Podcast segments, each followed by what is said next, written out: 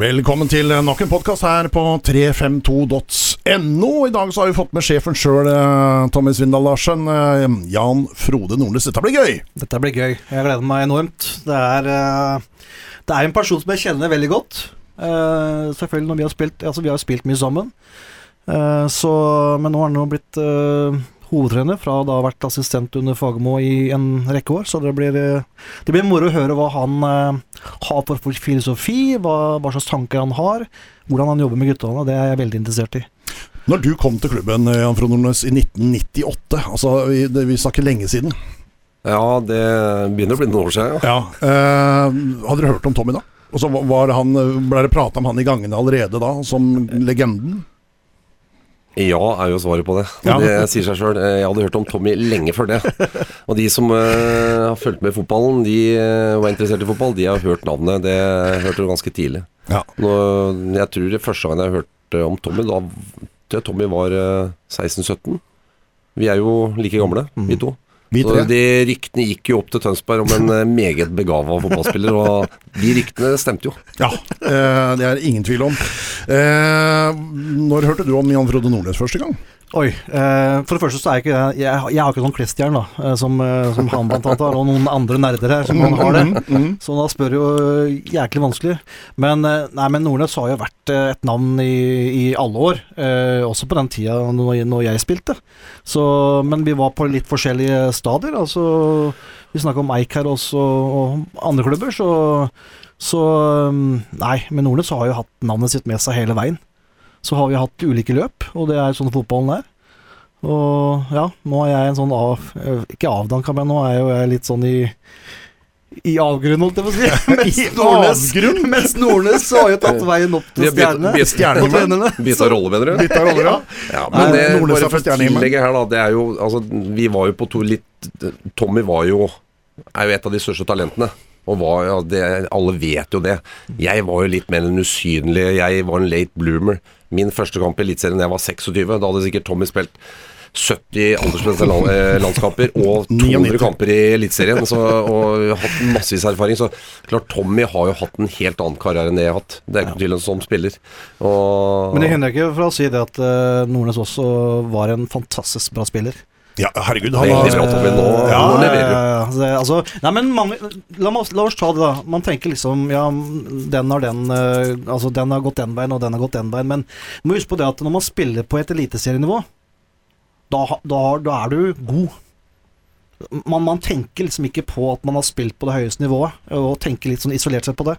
Det er faktisk eh, Om ikke det er en bragd, så er det Det er ikke alle som får gleden av å gjøre det. Du, eh, husk på at han har spilt venstrekant på landslaget, altså. Ja, ja, ja men da kan vi snakke mer, selvfølgelig. Så Det var ekstremt med frafall den perioden der. Forfall, mener jeg. Det er sånn sjuende valg som venstreback. Det var seks som måtte takke nei pga. skade og sykdom. Du har ikke tid til å slenge innom, liksom? Ja, ja. Ja, ja, ja. Men, men det ble venstrekant på landsen, altså. Ja, jeg fikk en kamp eh, Jeg kom inn mot Sverige, var det vel, på La Manga. Var det sånn nordisk turnering. Jeg minnes jeg. eh, Fikk et kvarter der, og da jeg tror det var eh, Jostein Flo som midtspiss, Jon Carew som høyrekant og Nordnes som venstre. Ja, Det er jo magisk. Ja, det var magisk. Ja. Har du den drakta ennå, forresten? Jeg har den drakta hjemme, ja. Du har det? Ja. Du tar vare på sånt? Ja, jeg har tatt vare på noen drakter, så har jeg gitt bort veldig mye. Eh, det er gjort. Det er ikke at jeg har så voldsomt mye, sånn som Tommy eh, har nok litt flere drakter eh, gjennom sin karriere. Men jeg har gitt bort en del Odd-drakter, i hvert fall, som jeg har fått opp gjennom åras løp, til personer og folk som har spurt meg. Og da Jeg har faktisk en eh, 17 hjemme sjøl, jeg. Ja, jeg har det det. har du. Den er spilt i uh, Europacupene. Ja. Lurer på om det var Enten så var det for Feinor, eller så var det den før det igjen. Hva var det for noe vi spilte mot da? Det husker ikke jeg i farta. Ekranes, ja. Stemmer det. Mhm. Den, den tror jeg jeg har. Ja, jeg har, men jeg har, ikke, jeg har ikke tatt vare på så mye. Jeg har stort sett gitt bort. Jeg syns det er hyggelig å gi bort. Mm.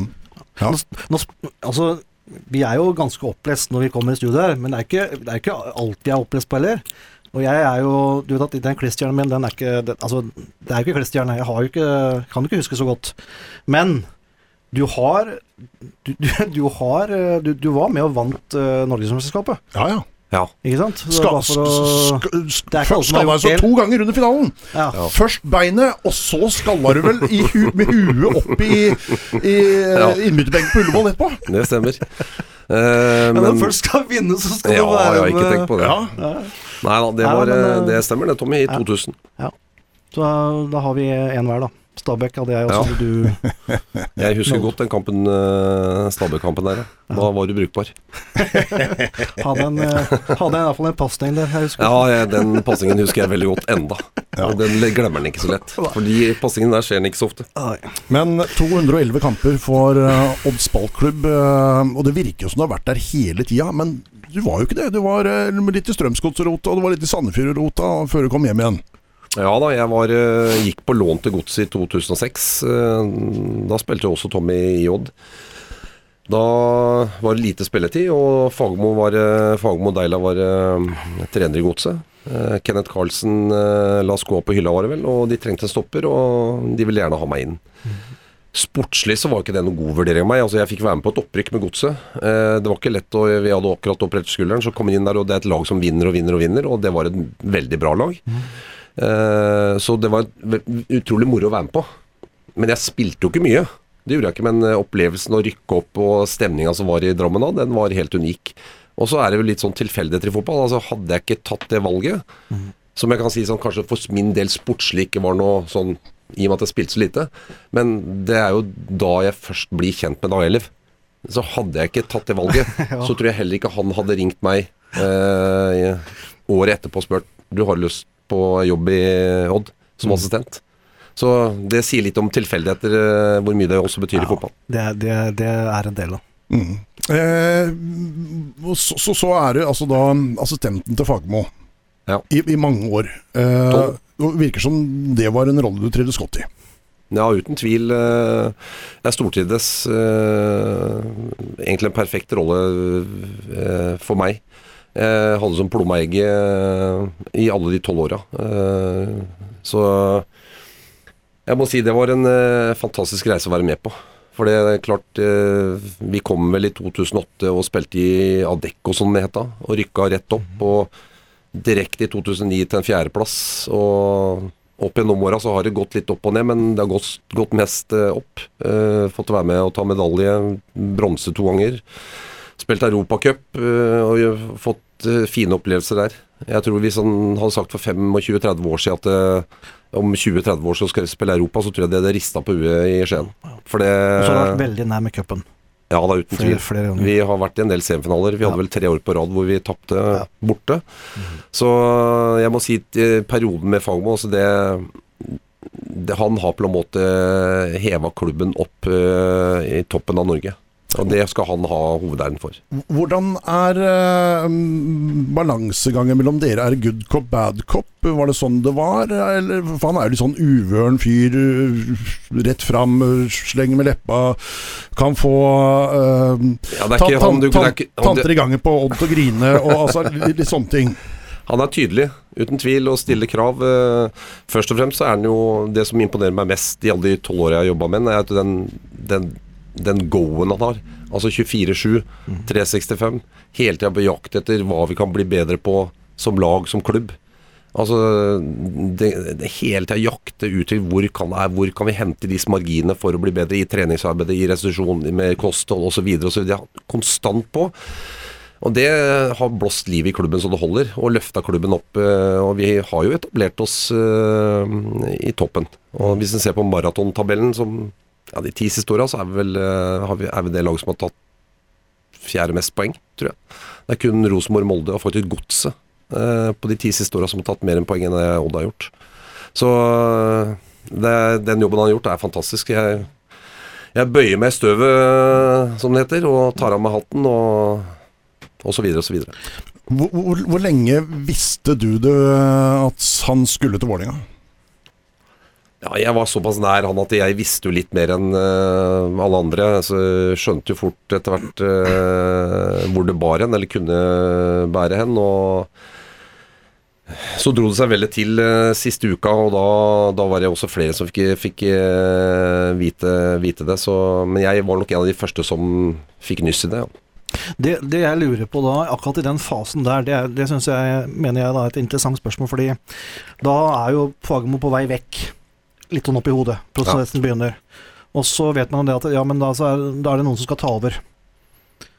Var Fagermo den som sa at eh, Nordnes, det, det her skal Det må du ta. Det er sant. Ja.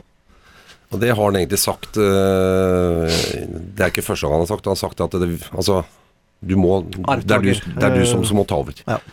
Og det var, det var jo viktig for meg å høre. da Mm. Eh, en trygghet for meg. liksom når han forteller at ja, men det er ikke noe Det her håndterer du. Det Mm. kommer du til å håndtere. Du er klar. Du er klar for oppgaven. Eh, det er klart det er jeg takknemlig for, for det, det gir jo meg trygghet og, og, og tro på meg sjøl at det, det, jeg kan faktisk steppe opp og, og, og gjøre en god jobb. Det, så jeg er veldig glad for det. For det, for det var jo mange Det var jo perioder med mange spekulasjoner. Og så blir det jo mye spekulasjoner fordi det det spekuleres mye fra alle. Eh, alle skal jo mene noe, men så foregår det jo ofte da en veldig sånn rolig eh, Ofte en, en, en, en kontrollert og rolig diskusjon bak. Uh, så Men da visste du på en måte litt uh, Eller ja, hele veien at det, det er du som skal ta over den, og, og det at han sa det, jo, betyr jo veldig mye. Ja, Det er jo en Eh, tillitserklæring. ja. Eh, jeg tror ikke han bare sa det til meg. Han eh, hviska vel det i øret til Ja. andre ledelsen der òg. Ja, og, og ledelsen også sånn sett da var, har jo vært klare hele beinet. Vi, vi som gikk og tenkte litt om ja, men er det Kåre som kommer inn fra sida nå, eller er det, er det Nordnes, eller hva er det? Ja. Så, så var det hele tida Jeg var tydelig god- på det når øh, Jeg blei spurt øh, Det var vel samme dag som øh, Dag Ellef blei trener for Vålerenga, så ble jeg spurt for å få ta over midlertidig. Ja. Og det sier jeg selvfølgelig ja til. Ja, ja. Altså Jeg er ansatt i klubben, jeg har kontrakt. Jeg, jeg er litt sånn som person. Jeg, jeg, kan ikke tenke, jeg, jeg tenker hva er klubbens beste? Og da, jeg stiller opp. Og så sa jeg vel da vi reiste rett til La Manga og hadde møte med Tor Andersen, og da sier jeg også det at det, får jeg spørsmål om, det, om jeg er interessert, så sier jeg ja, jeg er interessert. Så øh, hvis dere mener at jeg er en kandidat, så sett meg opp på lista. Mm. Og så var, kjørte de en prosess som, øh, som tok litt tid, men øh, så jeg sa hele tida at øh, jeg er ikke noe stressa, jeg er ikke noe hastverk. Eh, ta den prosessen, kjør en ryddig prosess, så, har, øh, så det blir gått gjennom grundig. Eh, og det her er ikke noe hastverk for min del i det hele tatt. Vi bare jobber på. Eh, jeg kommer til å gjøre mitt ytterste hver eneste dag. uh, For at, vi skal ha, at gutta skal få ha optimal treningshverdag. Og, Så det var liksom veldig sånn eh, For meg helt eh, var helt greit. Men den prosessen var helt uh, rød og fin. Men, men allikevel, da, så, så Jeg vet jo bare ting jeg har lest i avisene. Og, og så sier jo du ganske tydelig at nei, jeg er ikke noen hovedtrener. eh, Jeg er eh, assistenttrener, jeg. Og så plutselig så sitter du som hovedtrener. Hva, hva skjer i mellomtida her? Det har jeg for så vidt sagt. Eh, Jeg sa ikke, noe, sa ikke det etter at Fagmo fikk jobben i Vålerenga. Jeg har sagt det sikkert i ti siste åra at jeg stortrives i rollen som assistent. Den passer meg som hånd i hanske. Jeg er jo sånn type som syns det er veldig ålreit å stå litt i, i bakre rekke. Jeg har ikke noe sånn veldig behov for å, å fronte meg sjøl. Og vi hadde så klar og tydelig leder i Fagermo, eh, og jeg var så passa så perfekt inn eh, som nummer to. Eh, samtidig så kjente jeg jo på det når, når jeg fikk input fra han og andre at det, hvis han forsvinner, så, så må, du, må du steppe opp og ta, og ta sjansen. Og det er liksom, Jeg hadde en del prosesser gående i meg sjøl. Tenkte jeg, skal jeg gjøre det her? Skal jeg ta sjansen? Eh, Nå har jeg vært assistent, er det riktig at jeg liksom skal Men så tenkte jeg meg sjøl at det, nå nærmer jeg meg snart 50 år. Altså Den sjansen her kommer kanskje ikke igjen. Altså Jeg må bare Nå må jeg liksom Det her kan du faktisk eh, Det her kan du. Eh, Nå har jeg vært med så lenge. Jeg har klubbens eh, DNA i kroppen. Jeg kjenner spillerne, filosofien, hele pakka. Mm. Så jeg tenkte nei, shit au. Den sjansen her, den skal jeg ikke la gå fra meg. Det kan jeg bare ta angre på. Men, men så, så blir du da ansatt. Altså, den ansettelsesprosessen utad så virker den som den er fryktelig lang, eh, langtrukken. eh, hva, hva slags signaler får du her? Som får du noen signaler? Jeg snakker jo med både daglig leder Håndrekken og ikke minst Tor Andersen, som er sportssjef, daglig. Så jeg har et veldig rolig eh, forhold til den prosessen som de kjører. Og jeg har respekt og forståelse for at de ønsker at de, at de velger å kjøre en, prosess som, eh, som gjør at de sjekker ut alle mulige eh, caser, for at de også skal kunne stå oppreist hvis ting skal gå åt skogen. For hvis ting går åt skogen, så er det sånn Ja, men herregud. Dere har jo ikke gjort noen god nok jobb her. Altså, det syns jeg er Det gikk for fort, og så videre. Ja, det, vi her fort. Her tok vi for kjapp løsning. Her, her har vi ikke liksom gjort eh, jobben grundig nok. Og det er viktig, altså. For det, og det har jeg veldig respekt og forståelse for, så jeg var helt uh, avslappa til det. Men jeg, jeg blir ikke så veldig lett stressa da. Nei, det tror jeg ikke. Men det er jo noe med eh, Altså, hvis prøver å huske tilbake, da, så er det jo noe med det året som har vært nå, har vært veldig spesielt. Hvis vi drar inn koronaen, da, så skjer det veldig mye på kort tid her. Eh, også i den perioden. eh, hvor det spekuleres seg fram og tilbake, og liksom, hva med økonomien? Eh, det er jo flere aspekter, så så, men det har vel vært litt sånn for vane at Odd tenker seg kanskje én og to ekstra ganger om før man tar valget, da. Og det er ikke feil. Hvor mange assistenter er det som har klart å steppe opp og bli hovedtrener? Har du noen gode eksempler, bortsett fra Mourinho og Tychel? Nei, det du har, Nå mangler jeg plutselig klisteren, som du sa jeg hadde, Tommy. Da skal jeg dra fram en coming, da. Da er det iallfall Nordnes som er en sånn coming. eh, Ja, Nei, men det er men det er en vanskelig rolle å gå fra assistent til å skulle bli hovedtrener. Hva tenker Ja. du rundt det? Ja, det er vel noen som har gjort det med suksess. Eh, Det er jo flere i Norge som eksempler på det i Norge. Eh, Men eh, det er stor forskjell på rollene. Det er det. Altså, den største forskjellen er, forskjellen er jo at jeg står i frontlinja. Eh, Nå har jeg hovedansvaret. Eh, og det er den absolutt største altså Det er mer fokus rundt min person, meg som person. Det er mer trøkk fra media og omgivelsene. Eh, Det er eh, uten tvil eh, den største forskjellen. Så, men jeg er ikke så himla opptatt av hvem som er sjef. Ikke? Altså, jeg er opptatt av at vi skal være et team. Ja, vi skal være et lag og en klubb som eh, trekker i samme retning. Vi, skal vi utvikle laget, så er jeg dønn avhengig av å ha de rette folka rundt meg. Eh, som kan ha spisskompetanse på ting som ikke jeg kan så mye om. Og det er, eh, det er kanskje det viktigste. Jeg kaller meg sjøl teamleder. Jeg er ikke så opptatt av at jeg, jeg skal være Altså, jeg, vi må bruke kompetansen, kunnskapen som vi har i teamet, som vi har i klubben, og som vi har i spillergruppa. Det er jeg opptatt av. Men har det gått fra good cop til bad cop? Ja, ja, uten tvil. Uten tvil. Ja, Nei, jeg, skal, jeg, jeg var- ganske tydelig til meg sjøl når jeg fikk jobben. Altså, én ting eh, skal jeg ikke gjøre. Jeg skal ikke endre meg. Altså, jeg må være den jeg er. Jeg må være Jan Frode Nordnes. Jeg, jeg har min personlighet, jeg har min væremåte, jeg har mine, mitt verdisett, eh, mine tanker. Mm. Jeg må være meg sjæl. Hvis jeg skal begynne å være en annen enn meg sjæl, da tror jeg det er eh, kort vei til stupet. For Arne Sandstø endra seg jo over natta omtrent når han ble ansatt. Nei, han endra deg ikke så, så mye. Jeg spilte med Arne og hadde han som trener, så jeg syns jo Arne egentlig Kanskje det bare var utad? Ja, mot- det mot kan andre- være utad. Jeg Ja. ja. merka ikke noe endring på, på Arne i det hele tatt.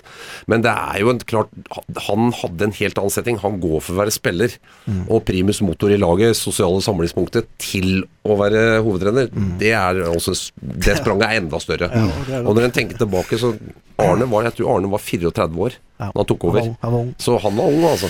Og, og det er ganske, skal ganske uh... Det er tøft gjort, det. Og Ja, det, er bra, det er bra gjort. jaggu meg tøft gjort, altså. Ja. Har du gått opp i lønn?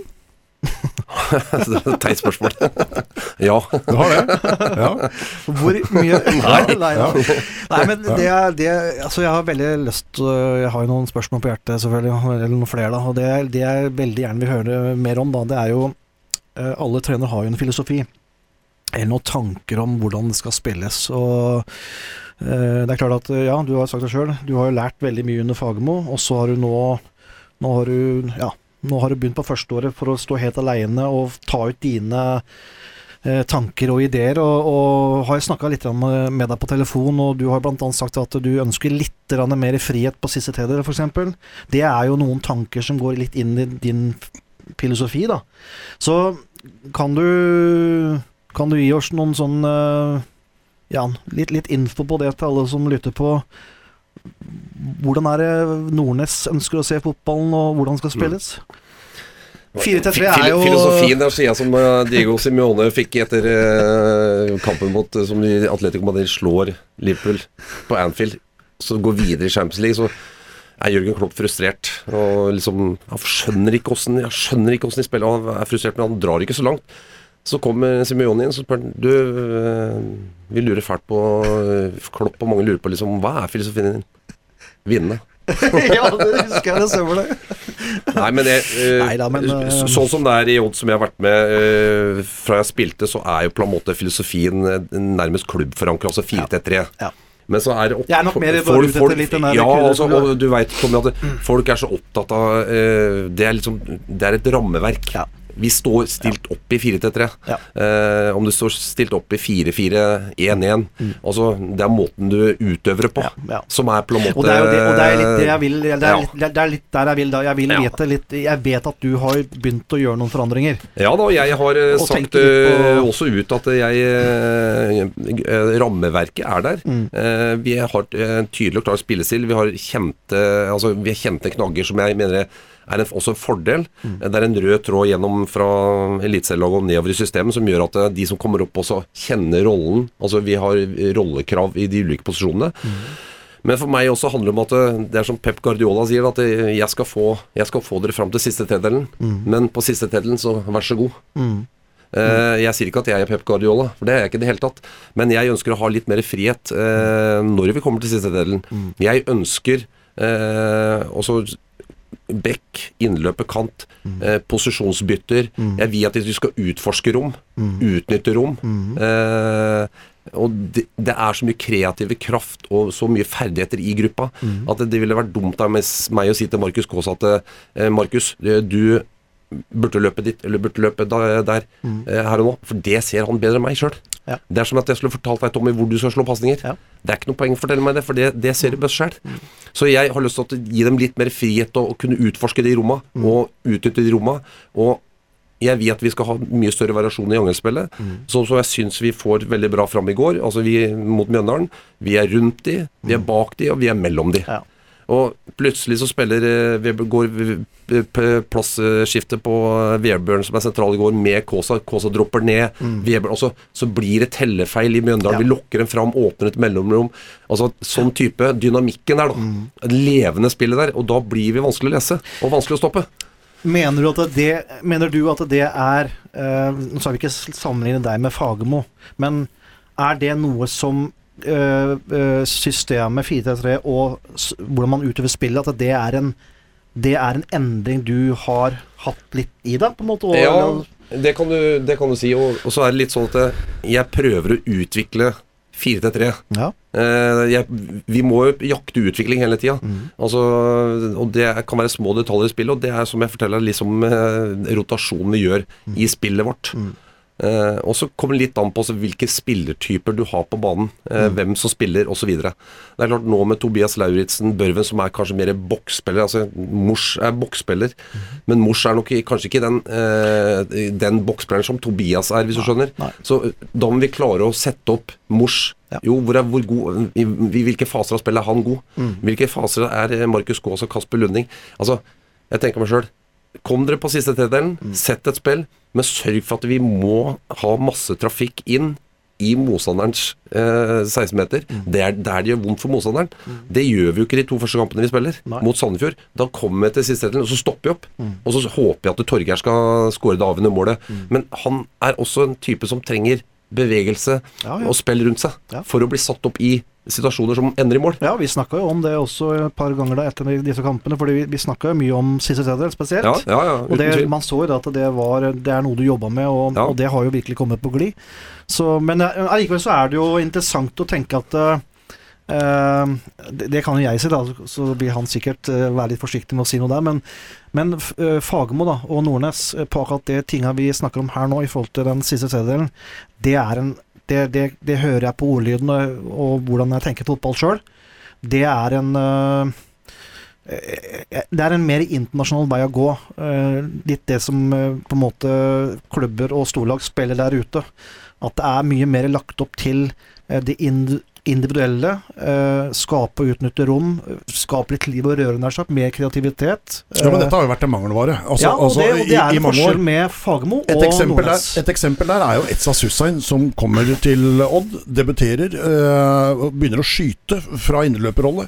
Eh, har vi nesten aldri sett før. øh, altså, det, så plutselig begynner han å skyte, Eh, og, og så uh, går det to, og tre og fire kamper, og så slutter han å skyte. Ja. Får han beskjed om det da, Fagermo? Nei, det har han det ikke, fått beskjed det passer ikke inn i vårt system. Du skal, Nei, nei, du skal spille ballen ut der. Nei, nei, nei, da. nei, da. Det det har han aldri. Oh, nei, det er det ikke. Men det er veldig tydelig. Altså, eh, det er ikke så store forskjeller. For altså, I et høyt press, også du skal ha et høyt press i forhold til hvilken formasjon du har, lavt press alle de tinga der er jo noe vi har jobba gjennom, og det kommer til å ligge der. Og det er noe vi øver på. Det er det mer de detaljene i det offensive, spesielt når du spiller Vanligvis da, de siste åra så har vi vært et lag som stort sett har hatt overvekt på possession. Vi har hatt ball mye. Når du skal bryte ned et lavtliggende lag, så eh, må du ha eh, prøve å utvikle en eh, angrepsfilosofi da, som er eh, vanskelig å eh, forutse, som er vanskelig å lese. Og du må bryte ned Og det er det vanskeligste i fotball, det er å spille etablert angrep. Det er det vanskeligste. Så, så jeg er veldig opptatt av det at jo, vi må øh, vi må tørre å altså, bruke de individuelle ferdighetene vi har i laget for å skape ubalanse. Vi må ha eh, samhandling, eh, relasjonelle ferdigheter. Og det syns jeg er, vi er på god vei til å få. Eh, vi har flere, altså I går så, mot Mjøndalen syns jeg vi spiller på, som Morten Rønninge sier, på et stort register. Ja. Vi er vanskelig å stoppe, for plutselig så eh, går eh, Elba skjærer han inn fra venstre inn eh, og kobler på motsatt innløper, og så stikker han og så Vi skaper litt liv og røre. Eh, og Skåringa til Birk Risa som eh, blir feilaktig annullert i går, som Espen Ruud skyter. Da har vi seks Odd-spillere inne i 16-meteren. Og Espen Ruud skyter fra 16-meteren. Altså, jeg, se på Bodø-Glimt, som jeg sier hele tida. Det, det, det er vanskelig å stoppe. Det er et godstog. De kommer inn med eh, samtidige bevegelser i ulike rom, og de setter opp kombinasjonsspill. De slår inn fra kant, de skyter.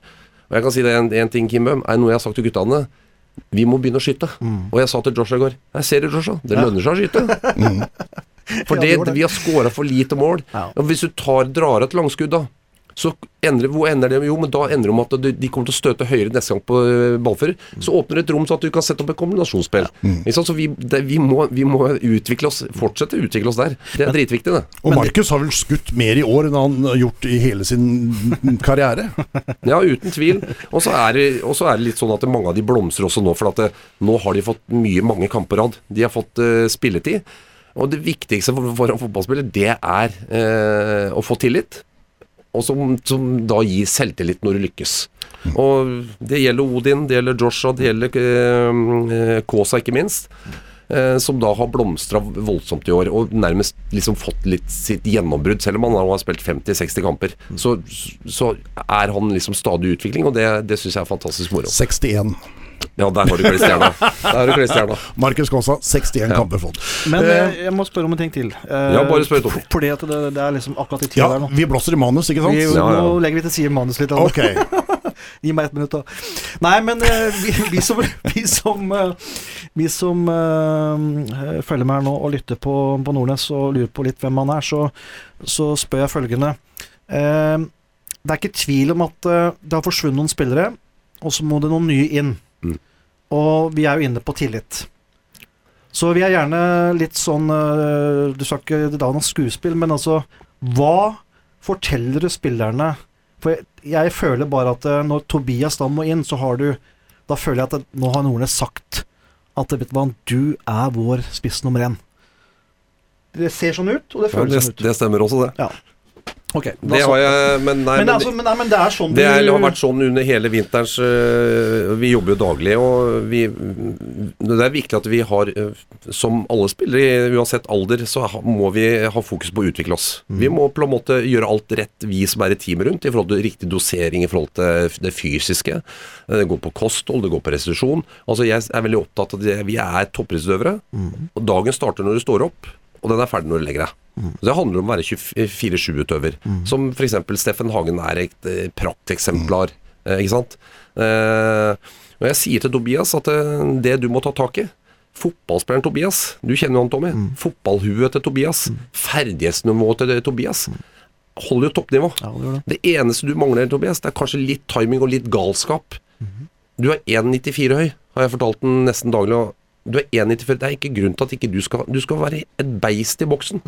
Og, og som et oppspillspunkt, og som om en kombinasjonsspiller. Der veit du, vet du at du er klasse. Så jeg har på en måte bygd han opp, prata med han og jobba med han. Og han har også jobba knallhardt. Og det er klart, den dagen Børven da bestemmer seg for å gå til Rosenborg, så skjønner også Tobias at nå kommer jeg til å få sjansen. Så sier jeg ja, nå er, nå er, nå er sjansen din der. Og du kommer til å få tillit. Og om du spiller én dårlig kamp, ja vel, da spiller du neste òg, da. Mm. så spiller du kamp nummer tre. Så spiller du kamp nummer fire. For jeg vet at det, du kommer til å lykkes, men du må nødt til å jobbe knallhardt for det. Og du er nødt til å jobbe knallhardt for det hver eneste dag.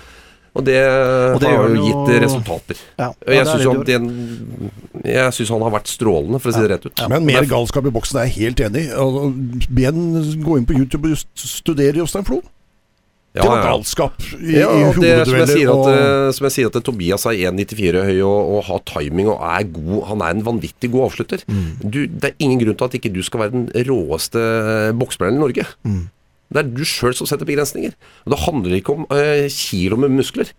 Altså, ikke fortell meg at Frode Johnsen øh, altså, Det er ikke den kraftigste fotballspilleren, det, altså. Men den, ga, altså, den tøffheten og timinga hans Det er helt unik. ja. Men det er det som er litt artig å høre om det som ligger bak. ikke sant? Fordi du ser at Tobias er i ferd med å liksom Ja, dessverre nå da fikk den skaden, men nå var han så på gang, og han hadde en fin progresjon, og utviklinga bare skjer. Og da er det selvfølgelig noe som ligger bak. Jeg vet at Tobias, øh, i og med at vi har jobba sammen med han før Voldsomt gode relasjoner med Markus Ja, også det, men Ja. han er jo en sånn Både Kaasa og flere av disse typene her, de er liksom De vil noe med seg sjøl, da. Da har du et sykt godt utgangspunkt, og så er det fantastisk for en trener å jobbe med. For det er bare som en Det bare går. Du må bare justere litt på dem. Ja, Så- De har hatt Tommy som trener, vet du. Ja, ja, Så det er, de ferdighetsnivået til guttene her er helt ålreit. ja, ja, ja. Du Men det er, det er altså Markus Kaasa, som jeg sier, du finner jo Tobias i blinden, du. Ja, de gjør Altså det. den linken de har seg imellom. Ja. Eh, hvis du ser forskjellen på kanskje Torgeir Tobias, og Tobias feilvendt også med så kombinasjonstype spiller, der, der er han bedre, altså. Ja, ja. Ja, jeg er enig i det. Akkurat det er veldig Og relasjonen der er veldig morsom å se på, ja. Kåsa og Tobias. Ja. Eh, kan jeg få lov til å gå litt tilbake til manuset mitt? Nå skal du ta manuset ditt. Takk skal du ha. Du får jo altså en marerittstart uh, med dette koronagreiene som kommer, som, som hovedtrener. Hva, hva, hva slags tanker gjorde deg rundt den biten der? Ja, det kommer jo, for å si det rett ut, det kommer jo veldig brått på, på meg som på resten av verden, da.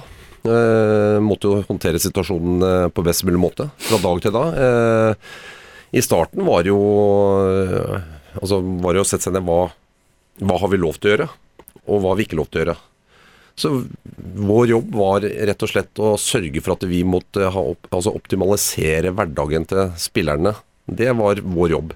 Og i starten så var det de måtte jo trene hjemme. De måtte løpe ute i skog og mark langs veien.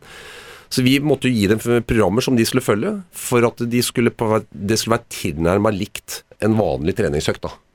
Og den jobben øh, gjorde Mikkel Marker, som er fysisk trener, og Anders Bråstad helt strålende. De var helt unike på det. Så det var mer min jobb da på en måte også eh, ha, ha litt styring av med det her, og snakke mye med spillerne.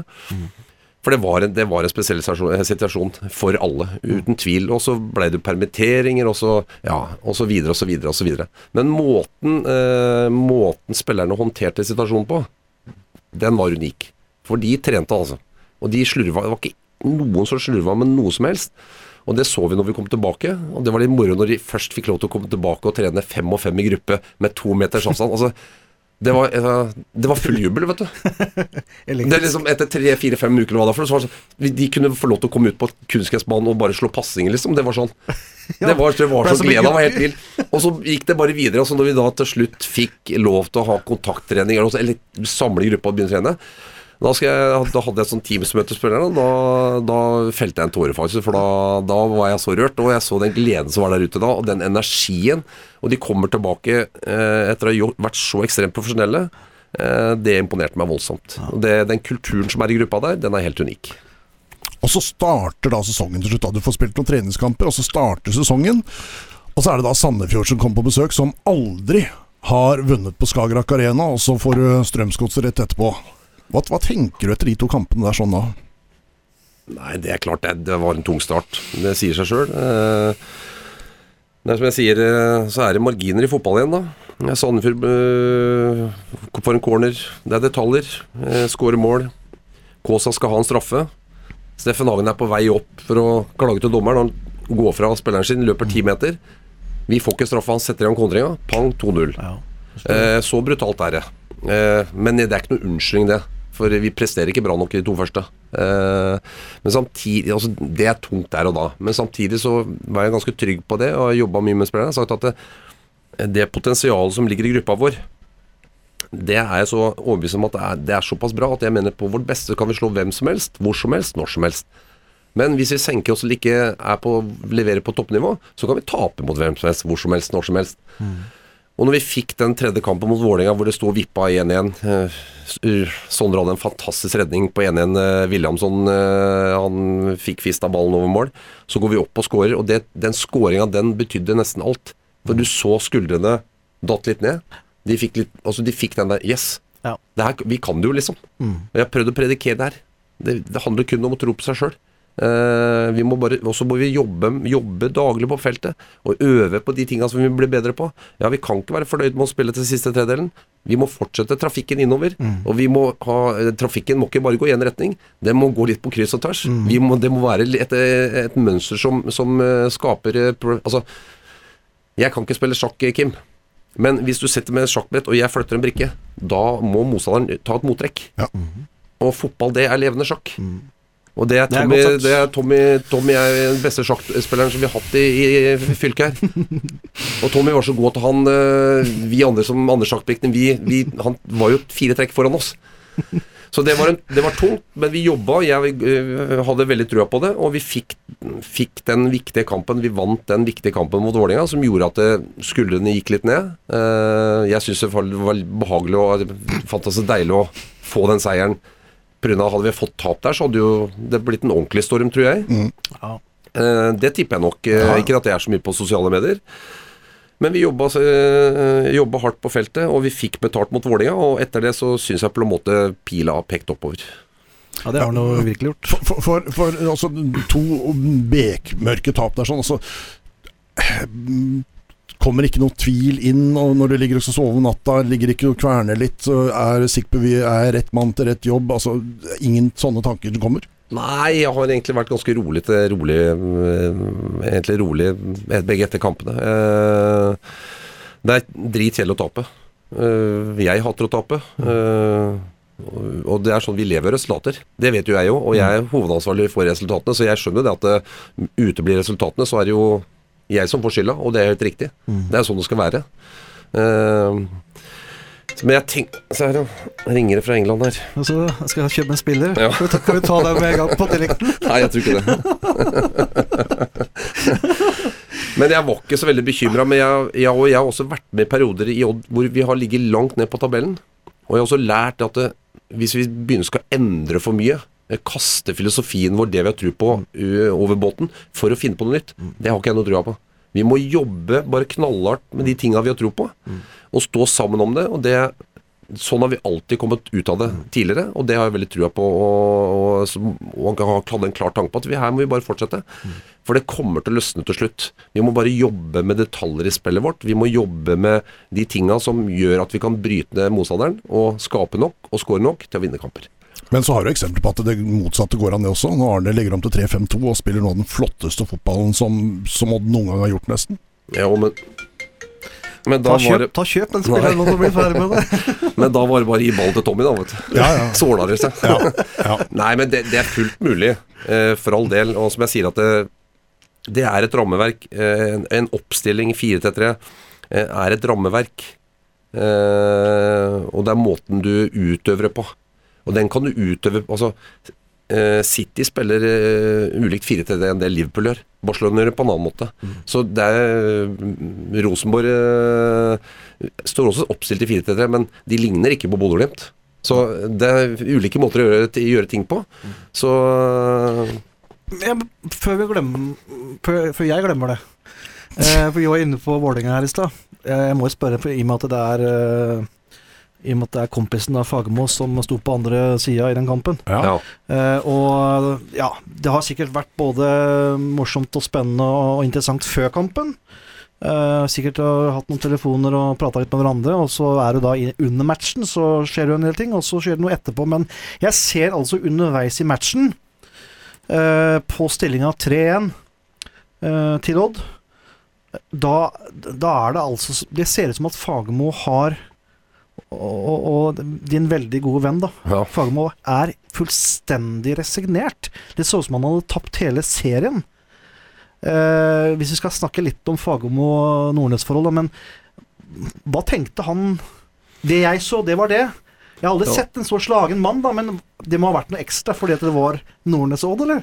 Ja, jeg tror nok Jeg la ikke merke til det, da, for jeg var i bobla da. Og jeg var, jeg, var, jeg, var, jeg var mer eller mindre ute på banen. Det var du. Så det, det, Nei, men det var de men, men jeg tror nok at det, det er klart du har vært hovedtrener i Odd i tolv år. Ja. Uh, uh, han er, uh, har over 400 kamper for, eh, for, som hovedtrener for klubben. Mm. Og klart å komme tilbake til klubben han har forlatt. Gå inn i feil garderobe. møte de som bare kjentfolk. Mm. Det var en, jeg tror det her var en veldig veldig spesiell kamp for han. Så det, Eh, det som folk ser utafra, da, den tøffe, litt uh, robuste, litt uh, Ja. frekkjefta Fagermo, liksom det Han har også noen følelser og ja, noen tanker tvil. og Uten tvil. usikkerhet og Ja. Jeg tror han, han gleda seg, men samtidig grua seg litt til Ja. kampen. Og For, for, for det, er mye, det er ekstremt mye følelser. Ja. Og han er et veldig følelsesmenneske, Ja. uten tvil. Og, og jeg tror eh, bare det å gå inn, som jeg sier, inn der og treffe liksom kjent Og så går han inn bare inn i feil garderobe. Ja. Sånn, Det var litt bare sånn Ja, nå gikk jeg feil vei. Eh, og det er klart, det er, det er når du har vært trener i tolv år, Tommy. Ja.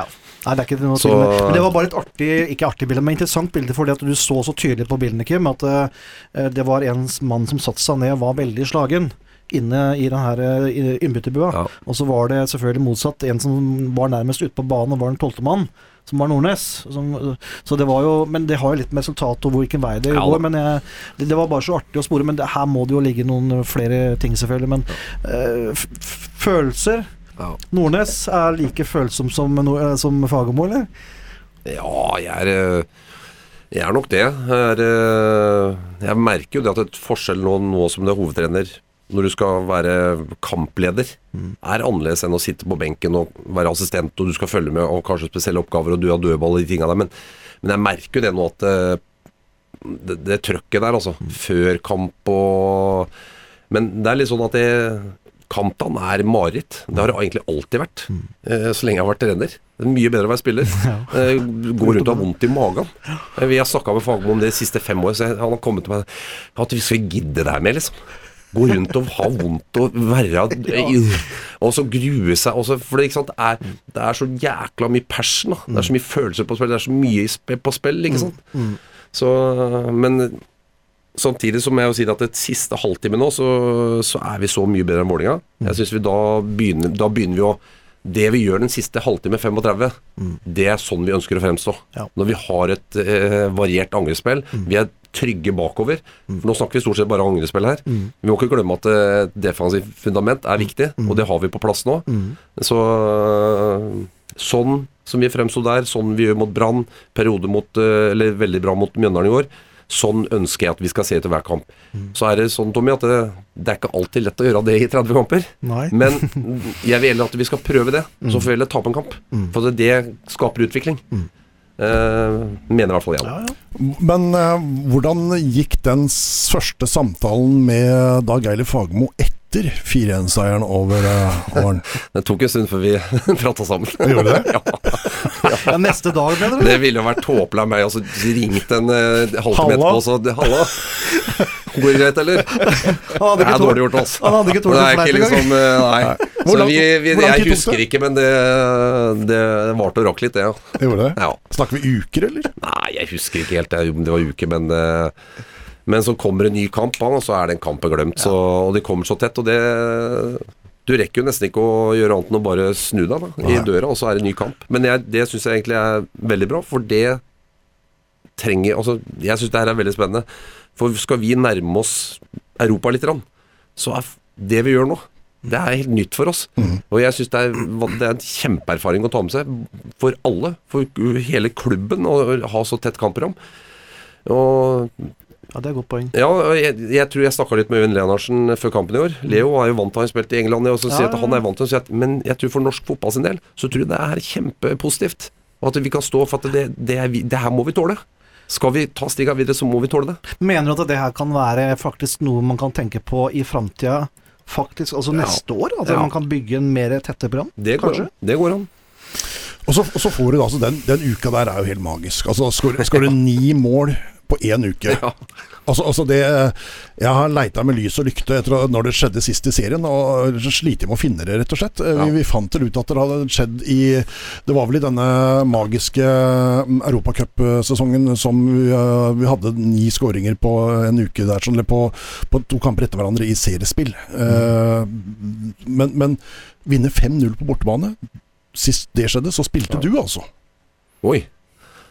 Mot Sogndal. Vi, Sogndal da. Jeg tror vi er tilbake i 2001 eller noe sånt nå. Altså Det er så lenge siden at det er eh, Har, vi, har jeg vært på Slå Sogndal 5-0? Ja, der oppe. Ja, du, du, Det husker jeg ikke. Det husker i hvert fall ikke jeg, for da var jeg i Tyskland. Så det. ja, ja. Altså, altså, det er så lenge siden at det Men det må være vidunderlig å så oppleve den uka der sånn. Ja, altså uten, Etter den starten. uten tvil eh, Vendepunktet var jo Vålerenga-kampen. Ja. Men når vi sitter på buss ned til Kristiansand, så, så klart det er, Du vet du skal bort og på Det Sør Arena. Det, det en er en ny match. Ja. Det er ikke så mye du skal snøble. Altså Det er en dødball, det er en dårlig start, det er, kan være dommer, det er en feilpasning, whatever. Eh, men så det, det som er at vi får to kjappe skåringer. Som vi dreper ut kampen etter eh, 13 minutter spilt, når Vebjørn setter 2-0. Og da Start prøver opp, De skal prøve å angripe og presse. Også, også når vi klarer da å være så ballsikre som vi er, og så vi holder der. Og, men allikevel 2-0 til pause. Jeg kan si med det, hånda på hjertet nå at eh, jeg var ikke sikker på seier før eh, På 4-0 så sto jeg til og med var nervøs, og da var det ti minutter igjen. Så, så jeg Men det var, det, vi gjennomførte en strålende bortematch, og vi var jo dødelig effektive. Og vi møtte jeg tror vi var, møtte Start på en eh, Jeg tror Start eh, hadde en ambisjon om å angripe og være offensive. Eh, og det, de, vi, vi tok dem litt på det, altså. Ja. Og så har det kommet i en slags flytsone nå, virker det som. Altså, du, du får overtidsskåring mot Viking der borte. Får nesten overtidsskåring mot Ålesund etter å ha lugga så lenge. Altså, øh, hva, hva kommer det at man, man lykkes på overtid gang på gang? Altså Man får vippa de der eh, tighte kampene i sin favør, som man kanskje ikke har gjort tidligere. Nei, den, eh, det er jo litt to forskjellige kamper. da Vikingkampen er jo er vi veldig gode i første, og så mm, mister vi, mister vi initiativet. Viking er bedre enn oss i annet. Eh, På 1-1 så står jeg og tenker at det- ett poeng her er bra. Mm. Ta med oss ett et poeng hjem herfra, det er bra. Og så, så kommer som jeg sier, det kommer liksom Kasper med de individuelle ferdighetene han har. da Eh, Som jeg sier at det, Vi er opptatt av kollektivet. Kollektivet, Odd er X-faktoren. Men hvis du har et jækla godt kollektiv, og så kan du krydre det med litt X-faktor ikke sant? Mhm. Men at du kan ha spillere som kan skape ubalanse, enten ved å gå an mann eller sette opp et kombinasjonsspill. Og det gjør vi der. Eh, og Ålesund også sier at det som jeg er mest stolt av, at vi slutter aldri å male. Vi maler og maler, vi gir aldri opp. Vi gir aldri opp og gir aldri opp. Og vinner også fortjent til slutt der, men jeg skulle, kunne ønske at vi kunne skåra tidligere, selvfølgelig. Eh, som trener, som, når jeg står der, så det er klart når du ser på klokka hadde gått 8-8-9-80, og så får vi en skåring som blir annullert feilaktig. Men så heldigvis så kommer en dødball, da, og det er Morten Rønningen, vet du. Han har ansvar for dødball. Det, er- det bare renner jo inn. Må roe seg litt òg, da. ja, ja, ja. Ja, men har jo faktisk skåra en del dødballer i år. Ja da, vi har det. Eh, og vi skårer jo egentlig på en dødball i går òg. Vi slår en kort corner. Og det er liksom, Vi har jo faste trekk, som vi sier, men som jeg er opptatt av spilleren sier at det- Men gutter, hvis det er klima for å gjøre noe, eh, hvis dere ser at det er et eller annet som er lurt å gjøre, vær så god. Så lenge jeg er trener her, eh, hvis ikke dere løper for laget her, hvis ikke du tar etterløp og du gir alt 100 hele tida, da spiller du ikke. Da får du kjeft av meg. Da er det inn på kontoret.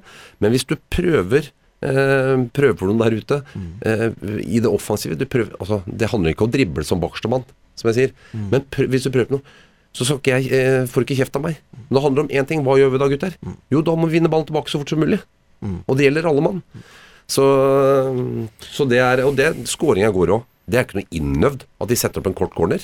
Nei. Det er noe de ser der og da. Det er improvisert, Ja. rett og slett. Eller vi roper Kåsa ut. Kåsa går ut, tar med seg returromspilleren. Mm. Og så ser man jøss, der ligger Josh alene i returrom. Ut, pang, scoring. Og må dra av dommeren altså for å score der. Ja, rett og slett. Ja. Han, han dommeren hjalp til så han fikk dårlig tid, så han, han bare Og der òg får vi jo Skåringa til Birk er jo også feilaktig. Ja. Men, men jeg gidder ikke å bruke så mye fokus på det. Eh, det får de ta på dommermøtene sine, men eh, det er eh, Det er jo sånn at eh, I går også kan vi jo fort og burde, burde skåre flere mål. Ja. Eh, Det er jo på en måte er, Vi må bli enda skarpere. og Det er, det er, det er så små detaljer. Vi Bli enda skarpere på siste tredelen. Eh, I går så hadde mest sannsynlig Bodø-Glimt vunnet med 4-5, f.eks. Det, det er forskjellen på Bodø og oss i dag, da. Ja. Og så- ta det med en gang, da, mens vi er inne på å prate om den Mjøndalen-kampen. Så har jo altså Jeg er litt på sosiale medier. Eh, Du sier at du er veldig lite. Tommy er ikke sånn kjempemye, han heller. Men det har jo vært en historie som har sirkulert i dag, eh, om eh, Duracell-kanin på amfetamin, eh, som ble uttalt på Eurosport i går. Som øh, jeg syns var en kjempemorsom kommentar og et bra bilde, men som mange andre syns var håpløst. Ja da, det, den uttalelsen, den Jeg skjønte jo i går kveld. Når jeg kom hjem og snakka med samboeren min, så sier jeg at den tror jeg nok du kommer til å møte igjen. Eh, og jeg skjønte jo det at det, det var en uheldig uttalelse. Det var eh, flåsete, og det var litt sånn i lykkeruset i kampens hete etterpå. Jeg tenkte meg ikke om at meninga var jo ikke noen som helst måte å, å såre noen eller provosere. provosere. Så det var, det var jo tåpelig av meg, og jeg har jo beklaga i avisa i Varden godt ut sagt at det, det er tullete av meg å bruke amfetamin inn i den sammenhengen her. Det hadde holdt med Duracell. Ja. Men jeg skulle på en måte toppe litt for, for å vise Bare for å fortelle hvor energisk Joshua er, da. Ja. For meg så er Joshua Kittelano en av de beste presspillerne i Norge.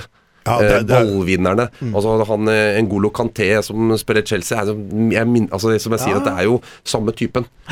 Eh, så jeg beklager på det sterkeste hvis uh, Jeg syns det var gøy, jeg.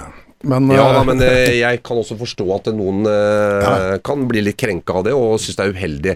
Og det er jo litt dumt at det blir litt overskrift av det. Det er min feil. Så den tar jeg på min kappe, og du beklager eh, selvfølgelig for det. Det er jo ikke hva skal jeg si for noe. Det er jo i kampens hete, og det kommer sikkert ikke til å være siste gang at man i euforien da sier noe som Nei, nei, kan nei, nei. støte noen, men det er klart det er, det er jo veldig, veldig sjelden at det er en mening bak det. At det er litt sånn uskyldig gjort.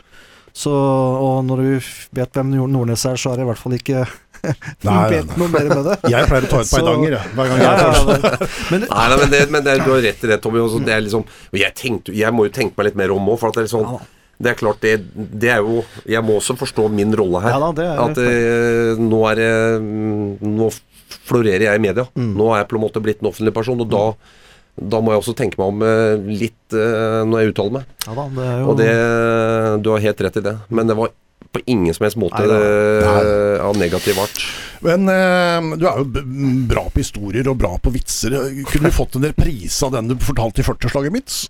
Som, hun, 100 mennesker da er helt stille i 20 sekunder etterpå, ingen skjønner det, og, så bare stormer han ned av scenen og setter seg. Ja, Ingen den, den, den, tar- den tar vi ikke nå. Nei. Nei. Kan du jeg var ta, kan, kan jeg ta min, eh, min vits da, som jeg hadde i garderoben her en gang. Ver, verdens beste vits. Få høre. Nei, nei, nei, den kan vi, den kan vi Den tar vi heller den kan vi ikke. droppe. Den Ok. kan vi også droppe. Men jeg, jeg snakka med en uh, tidligere kaptein av, av Vålinga fotball. Han var kaptein Ståle Andersen, var kaptein på 90-tallet. Og han spilte da mye mot Tommy når Tommy var i start. Så tar jeg, jeg tok jo A-lisenskurset med Ståle, og øh, kjenner han jo litt fra før av. Så han fortalte meg at Vålinga Vålerenga skulle spille treningskamp mot eh, Start på Kypros. Og da spiller Tommy og Myggen ved siden av hverandre. Og Ståle Andersen sa det at de løp imellom i 90 minutter. Men så var det i eh, midten av første gang, så, så plutselig setter Myggen seg ned og så roper han til Tommy at han måtte bare knytte lissa, for han hadde gått opp. Og så ropte 'Tommy! Da, må bare knytte lissa'. Så satt seg knøtt lissa. Og så, da sto Tommy og de andre på start og holdt ballen i laget, da mens Vålerenga-spilleren løp etter den. Og så reiser Myggen seg 'Nå er jeg klar igjen!' Og så gikk de framover. Herlig. Ja, det var historien der har fantastisk. faktisk Magisk. Tenk deg Myggen og Tommy da, sammen. Det er helt, eh, helt Og Morten. Pettersen. Det var en grei midtbanetrio, det altså. Ja, da, det var det. Men jeg, har, jeg, har, jeg må dra en historie også, da. Eh, For det, det var litt tilbake til den eh, Nordnes var inne på i sted. Fordi eh, jeg var jo ringside og kikka på den kampen, for jeg, mener, jeg hilste- på Myggen og gamle lagkamerater. Da så jeg Odd-matchen. Og den var jo steika bra. Eh, og så er det sånn noen ganger at det er så effektivitet, og det er så alt som stemmer, og så allikevel så sitter man med sånn en liten følelse av at eh, det skal bare en liten sånn til før det, før det skjer noe, og så går det motsatt. Og jeg hadde en erfaring med, med Porsche, når jeg trente Porsche uh, for en tid tilbake siden. Og da, da var jo Tobias kommet fra Tobias Lausen var kommet fra Odd til Porsche. Og også litt tilfeldighet, så spilte Så ble han eh, Han ble jo spiss etter hvert. Og så spilte vi mot Start der nede, og så fikk vi liksom ballen til å gå skikkelig, og, og vi feide på 1-0, 2-0 og 3-0, og jeg tror vi endte opp med å vinne 5-3 eller 5-4 til slutt. Og da hadde jeg den følelsen Mm. at det Allikevel, vi, vi fører og er så Altså, og scorer, men det kan så fort skje noe, for det, og, så, og så blir det på en måte at man mister de poenga. Eh, og det kjennes jo like på Man kjenner på det også på lavere divisjoner som trener. Akkurat som Nordnes gjør på, på, på høyere nivåer. Ja, ja, ja. Eh, men det som var litt morsomt, da, syns jeg, det var at uh, Kommer inn i pausa, så har jeg den følelsen. Og så går du foran, og så brummer du litt, og sånn og sånn. Og så går jeg bort til Tobias. Så skjeller jeg Jeg nærmest skjeller ut Tobias. For han Han Han, han, han jobba ikke godt nok. Eh, og så, når, når pausepraten er ferdig, så, så er vi på vei ut igjen, og så kommer eh, assistenten med og sier at eh, du vet det at Tobias har skåret tre mål? og jeg tenkte at eh, Og her har jeg altså bare skjelt ut Tobias, så er det han som har skaffa tre mål. og det var litt Jeg unnskyldte meg etterpå Tobias, for det ble jo litt feil. Så han hadde gjort jobben sin. Jan Frode Nordnes, stallen som du har arva etter Dag Eile Fagermo, jeg syns den er litt ubalansert aldersmessig. Altså Du har noen som er veldig eh, Ikke gamle, men men altså du har eh, Voksne. eh, ja, erf veldig erfarne, og så har du en haug med tenåringer, nær sagt, og noen som er rett over, altså 21, 22, 23. Mm. Du mangler det derre 24 til 28 der, sånn. Altså de gutta som er i sin prime. Hva tenker du om det? Ja, det er nok riktig det. At det er eh, stort sprik mellom eh, Det er egentlig to grupper. Det er uh, unggutta, og så er det de gamle guttene. Så vi har ingen sånn 6, 27, 28. eh, og det er jo sånne ting som vi tenker på når vi da eh, jobber med logistikk. Mm. med tanke på neste år. Men eh, samtidig så så ser, ser de ikke så himla unge ut, de gutta som løper ut på her nå. Da. Så Verken Philip eller Josh Lodin eller Kaasa eller Kasper eller hvem det er. Så alder er egentlig ikke så Jeg er ikke så veldig opptatt av det, men jeg skjønner litt poenget. Du går For å balansere stallen litt. Det, så det er sånne ting vi tenker på selvfølgelig når vi eh, er på markedet og driver med spillelogistikk. Men, men, men disse unggutta, hvordan må du, må du forholde deg annerledes til disse 18-19-20-åringene enn en Espen Ruud på 38? Nei. Eller 36, eller hva han er for noe? Nei, han er 36. Ja. Nei da, jeg, det er jo ikke det i det hele tatt. Men de har jo litt ulike Altså, du jobber Vi må tenke på at vi har en, eh, du har en gruppe. Samtidig så er det en gruppe, og den er, det er eh, individuelle personer i gruppa. Og det er klart, Espen Ruud som er 36, har eh, tåler en annen type belastning enn en 18-åring osv. Så, videre, så du må på en måte sørge for å sy sammen et optimalt opplegg. Riktig dosering, riktig treningsmengde osv. osv. Eh, for hver enkelt spiller. Men eh, det som er fantastisk i vår gruppe, det er at Espen Ruud og Steffen Hagen de, de ønsker også å utvikle seg. Og det, liksom, det stopper ikke. Og Den dagen du stopper, liksom, er sånn, du er happy, du er fornøyd med sitt altså, Nå er det greit, liksom. Da tror jeg også du er litt innrømmer at nå er, nå er du litt mett, nå er du ferdig. Så liksom, når du ser etter trening, så står Steffen Hagen og terper på venstrebeinklareringer eller crosspasninger. Eh, Han har spilt flest kamper i klubbens historie. Men han, står, han er så nøye med detaljer. Så, men de har litt ulikt løp. eh, Det har de. Men eh, den kulturen, profesjonaliteten og det samholdet, miljøet vi har, det tror jeg på en måte også har vært en av, en av fortrinnene våre de siste åra. Altså kultur og, og arbeidsmiljø. Det er jeg ekstremt opptatt av. Jeg, jeg har ikke, skal ikke ha noe råtne epler i kurven, hvis det er lov å si det sånn. Ja. For Eh, eh, vi kommer aldri til å slå Rosenborg, i hvert fall med det første, eller Molde, eller Vålinga eller Brann, når det kommer til ressurser. Men vi kan være bedre enn de på ting som er gratis. Det er arbeidsmiljø, det er kunnskap, kompetanse, kultur osv. Og så er troppen også litt ubalansert med hvor man har flest spillere og sånt. Altså Du har enormt med kantspillere. Uh, du har én spiss per dags dato. Ja. Uh, og du har egentlig bare to midtstoppere også. Nei, ikke to midtstoppere. Bjørn Mæland er midtstopper. Ja, ja. Erik Asante er midtstopper. Bjørn Mæland er nærmere enn uh, Han er nære, så øh, det er jeg ikke noe bekymra for. Men øh, vi er, øh, hvis du ser på det bakre leddet vårt, altså øh, forsvarsspillere så hvis du ser på erfaring og, og de tinga der, så er vi ikke mange. Og vi har veldig mange kantspillere, som du sier. I og med at Kaasa nå har også spilt kant, så er vi jo syv stykker der. Tobias ute gjør at det er Mors som er aleine som spiss nå. Eh, satt jeg Bilal inn som spiss i går. Rapper ballen og setter opp Josh som får 2-0. Kachi kan gjøre en jobb der. Men eh, det, det er nok helt riktig det er riktig det du sier. Det er litt ubalanse på de tinga der. Eh, Også, da, også da satt opp mot erfaring. Det er litt sånn du tenkte, Ja. Kim. Altså at det, man sier at man ikke har mistet så tenker man mer på at det, det er et ferdig produkt. da Ja. Altså Mæland er jo ikke det, men han er en coming man, da. Ja, uten tvil. selv om han er- ja, Fredrik Sem er fortsatt ute, og det er klart eh, Altså både Nå er Kevin Johnsen heldigvis tilbake i treningen, men han er også uerfaren på det nivået her. Mm. Eh, men de må også få Altså Det er jo litt av greia med å være trener i en sånn klubb. Altså, skal de få erfaring, så må de også få spille. For, Så vi, vi må tørre å slippe dem, eh, slippe dem til òg. men samtidig, så, så som Espen Ruud, Birk Risa, Steffen Hagen, Odin Bjørtuft som står nå kamp etter kamp, så er det, det er mye uerfarne spillere bak der, da. Så det har du helt rett i, Kim. I og med at Fredrik Sem da fortsatt er ute. Men når Espen Ruud da får sitt fjerde gule kort for sesongen mot Rosenborg, tør du da å bruke Kevin Egil Johnsen, eller blir det noen omstruktureringer og noe eh, Fredrik Nord, Disponeringer. Nord, Nordkveldet ned, eller hva? Det er jo et alternativ. Uh, selvfølgelig. Uh, nå er Kevin tilbake. Han har spilt to kamper i andre divisjon. Han har jo vært ute lenge med en skade. Han hadde brudd i foten. Han trenger kamptrening. Har fått to 90 minutter nå, og må nok ha noen kamper til for å være eh, ordentlig klar. Men eh, det kommer litt an på type kamp. Om det er hjemme borte, er det gress, kunstgress Det er vanskelig å si. Eh, konstellasjon. Men jeg har flere muligheter. Eh, så, men jeg er Jeg er ikke redd for å bruke unggutta. Det er jeg ikke. Det syns jeg også jeg har vist sånn.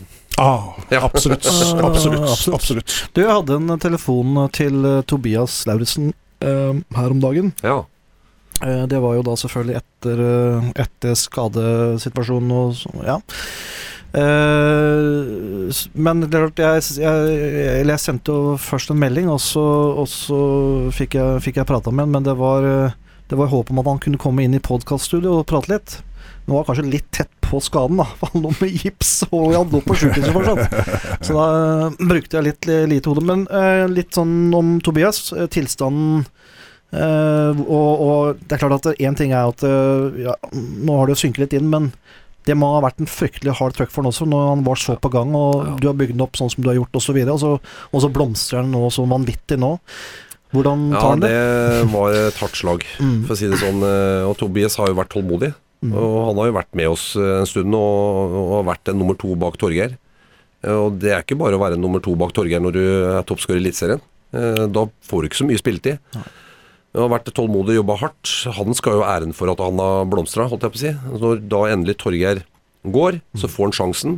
Så syns jeg på en måte han leverer, leverer, leverer. Og viser da Fotball-Norge For alle har jo stilt spørsmålstegn. Ja, men han er jo, han skårer jo ikke nok mål. Ja, men gutten har jo ikke spilt. Gi gutten en sjanse. Og jeg har vært trygg på at han trenger bare å spille, han. Og han har vist Jeg synes det er jækla moro, for han har vist Fotball-Norge at han er en klassespiss i 4-3-3. Ja. Og når han da får den skaden, så er jo det forferdelig trist. Det er forferdelig trist for han, og det er jo selvfølgelig forferdelig trist for oss. For vi mister jo en eh, jækla god spiller.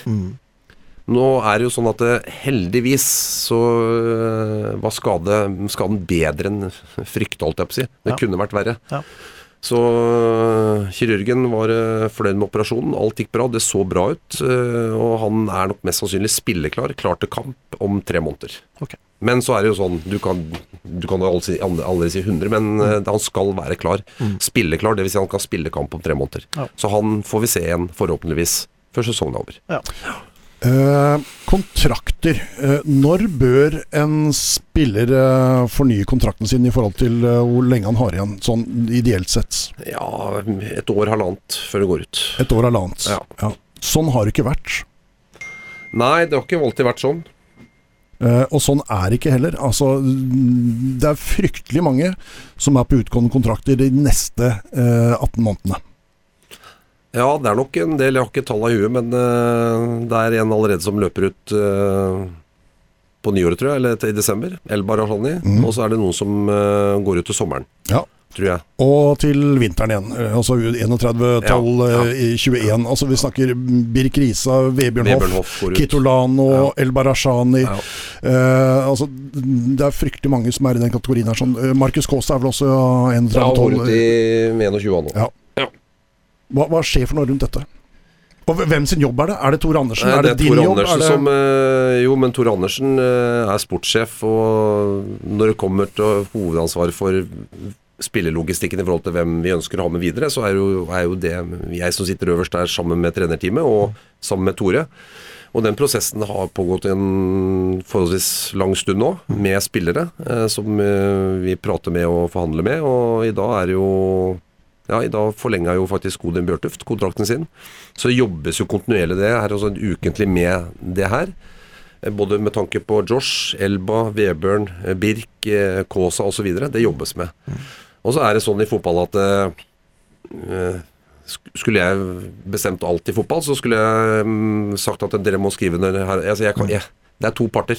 Alltid to, hvis du skjønner hva jeg mener. Ja, ja, selvfølgelig. Så, men det er ikke noe tvil om at vi må bli flinkere til å være tidligere ute og sørge for å få de på lengre kontrakter. Men så er det som jeg sier, det er to parter, og når den ene parten sier at eh, nei, jeg vil vente, jeg vil vente, jeg vil vente, så kan vi heller ikke sette en kniv til strupen og si at jo, men du må skrive under. Ja, for, én ting er disse spillerne som dere henta lokalt i Grenland. Altså, uh, som Markus Kaasa, som Heia har fått 95 000 kroner for uh, i, i uh, utdanningskompensasjon. Men en annen ting er jo når man bruker millioner av kroner Ja på da. Hoff og Birk Risa. Altså, det, det, det var dyre kjøp. Ja da, uten tvil, og de har vært veldig gode kjøp. Men sånn type, sånn som både Birk og Webern, som da har uh, ut året her og neste, så må vi sette oss ned med de nå i høst og høre litt om tankene deres om framtida. Og hvis det er sånn at de har eh, et ønske om altså et, Hvis ikke de har et ønske om å skrive ny kontrakt, så må jo vi som klubb prøve å selge eh, eh, i vintervinduet. Så at vi får igjen penger for de. Så at det er en vinn-vinn-situasjon for begge parter. For det vi ikke ønsker Vi ønsker jo ikke at spilleren skal gå ut kontraktsperioden, og vi ikke sitter igjen med noe som helst. Så Men det er, et, det, er et, det er et skjæringspunkt der med det her halvannet år til år, og, og ikke minst opp mot, øh, opp mot økonomi. Da. Altså, Sett at du har masse penger, så hadde mest sannsynlig alle klubber skrevet hyppigere kontrakter, og, og i god tid før òg, og kanskje lengre kontrakter. Så ofte så, strand, eller, ofte så tror jeg også at eh, økonomi er et tema. uten tvil. Uh, nettopp på hva man skal prioritere, og hvor mye penger vi har. og Kommer disse pengene, har det jo skjedd noe, korona kommer inn, og så er det, det er mange forhold, da.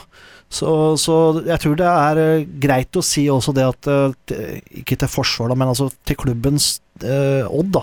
Så er nok disse elementene her også en, eh, en veldig stor av, av veldig stor betydning, den, den økonomiske delen, for at man da faktisk må vente. Og så går tida, og så mister man kanskje litt fokus, og så, og så, ja, og så sitter man plutselig der, og det har gått, gått nye måneder, og så er det under et år igjen, og så, så sitter man litt der. Og da kommer spilleren inn og begynner å vurdere. Ja, litt. eh, det er mange og- faktorer som, som, som, eh, som spiller inn her òg, og det handler jo eh, selvfølgelig veldig ofte også om økonomi.